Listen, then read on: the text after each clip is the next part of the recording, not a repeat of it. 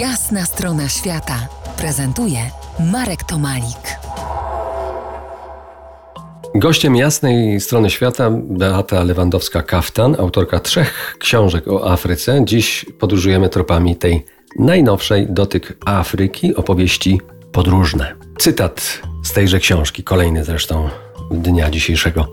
Chcecie dzikiej, egzotycznej Afryki? Oto jest, za pieniądze. Czym jest teatr Morsi?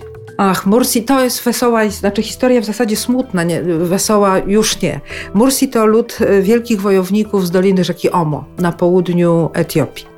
Uważany za jeden z najwaleczniejszych ludów w tym rejonie. Łowcy, przede wszystkim pasterze, ale również myśliwi, e, którzy żyli tam w tym rejonie od wieków, uprawiali pola na brzegach rzeki Omo dzięki temu, że ona wylewała i pokrywała ich pola żyznym mułem, a oprócz tego wypasali bydło i polowali, jeśli było to potrzebne, albo jeśli drapieżniki napadały na ich stada.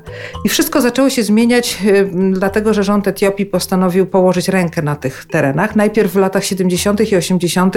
na terenach Mursi utworzono parki narodowe, do których zakazano im wstępu ze stadami i zakazano polowań. No to był jakby pierwszy cios, y, ponieważ w tym rejonie żyje więcej pasterskich ludów i te tereny pasterskie i łowieckie bardzo się skurczyły, ci ludzie zaczęli ze sobą walczyć. Ale najgorsze przyszło w latach 2000, e, gdy w 2010 roku rząd Etiopii podpisał z Chińczykami kontrakt na budowę wielkiej zapory i elektrowni wodnej na rzece Omo, ale to nie było najgorsze. Najgorsze było to, że e, część tej doliny, dużą część tej doliny zirygowano, powstały tam plantacje trzciny cukrowej, a tych ludzi po prostu wyrzucono z ich ziemi. I Mursi z wielkich wojowników stali się nędzarzami i z wielkich wojowników i pasterzy stali się z dnia na dzień nędzarzami.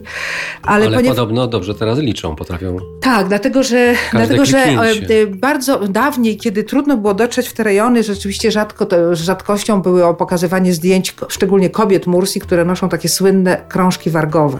Rozciągają y, te krążki i dolną wargę i twarz wygląda trochę jak, jak krzyk Munka.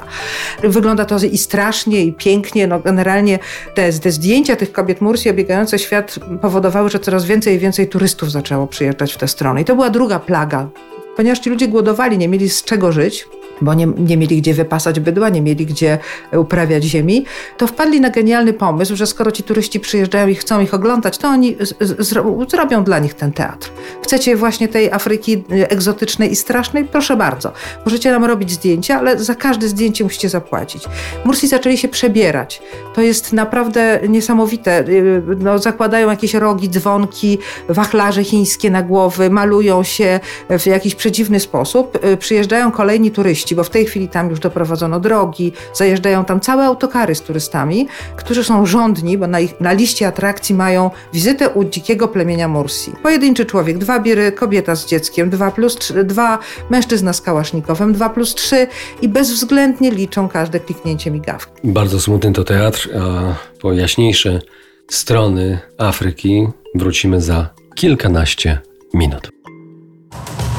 To jest jasna strona świata w RMS Classic.